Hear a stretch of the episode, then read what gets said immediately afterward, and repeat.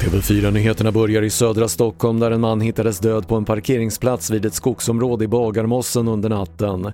Polisen som fick larm om misstänkt skottlossning har inlett en förundersökning om mord men det finns i nuläget ingen misstänkt. De första fallen av den indiska varianten av coronaviruset har nu upptäckts i Sverige. Det rör sig om fyra fall i Region Stockholm och regionens smittskyddsläkare hoppas att man kan ringa in fallen snabbt så att de inte sprids vidare. Och pandemin har slagit hårt mot landets småföretagare men nu börjar man se ljusare på coronamörkret. Det visar en ny rapport från Företagarna, Swedbank och Sparbankerna. Nu tror många företagare att pandemin börjar närma sig ett slut och framförallt då restriktionerna. Så i förväntningen så ligger väl någonstans att vi i mitten av sommaren kan börja släppa ordentligt på restriktionerna och därmed kan de värst drabbade branscherna återigen öppna upp verksamheterna.